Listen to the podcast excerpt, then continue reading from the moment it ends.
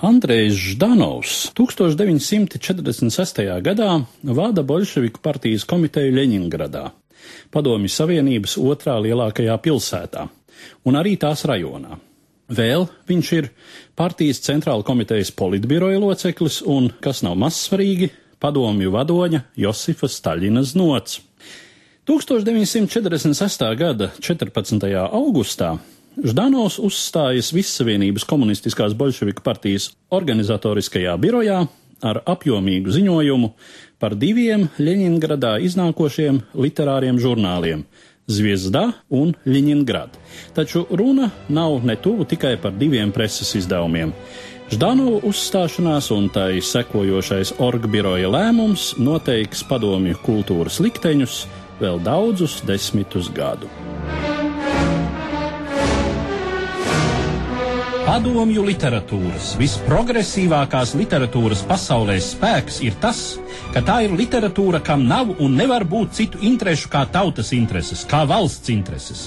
Padomju literatūras uzdevums ir palīdzēt valstī pareizi audzināt jaunatni, atsaukties tās prasībām, izaudzināt jauno paudzi mundru, tādu, kas tic savai lietai, nebīstās šķēršļu, ir gatava pārvarēt kuru katru kavēkli. Tādēļ katra bezidejības, apolitiskuma, principa mākslu mākslai sludināšana ir sveša padomju literatūrai, kaitīga padomju tautas un valsts interesēm, un tai nedrīkst būt vietas mūsu žurnālos. Tāda veida liberālisms, kura dēļ tautas un valsts intereses upurē draugu attiecībām, noved pie tā, ka rakstnieki pārstāja nepārtraukti papildināties, sāk zaudēt atbildības apziņu tautas, valsts un partijas priekšā, pārstāja pārstāja virzīties uz priekšu. No Vissavienības komunistiskās bolševiku partijas centrāla komitejas lēmuma par žurnāliem Zvezda un Ļeņingrada.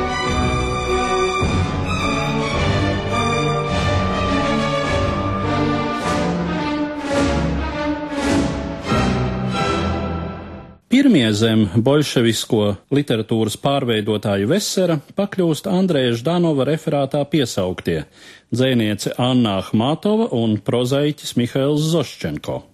Smalko satīriķi Zoščenko partijas bonza nodēvē par padomju dzīves un padomju cilvēku gānītāju un kariķētāju, kurš sludinājis riebīgu morāli laikā, kad padomju tauta cīnījusies pret fašistiskajiem iebrucējiem. Tas ir baigs apvainojums. Annai Ahmatovai piemin savulaik piederēšanu akmeistu virzienam un paziņo, ka šo buržāzisko salonu literatūru viņa tagad ievazājot arī padomju dzējā. Abiem rakstniekiem šie apvainojumi nozīmē publicēšanās aizliegumu uz daudziem gadiem, dzīvi trūkumā un bailēs no vēl smagākām represijām. Bet Ždanovisma vilnis turpina vēlties pāri visai padomju savienībai.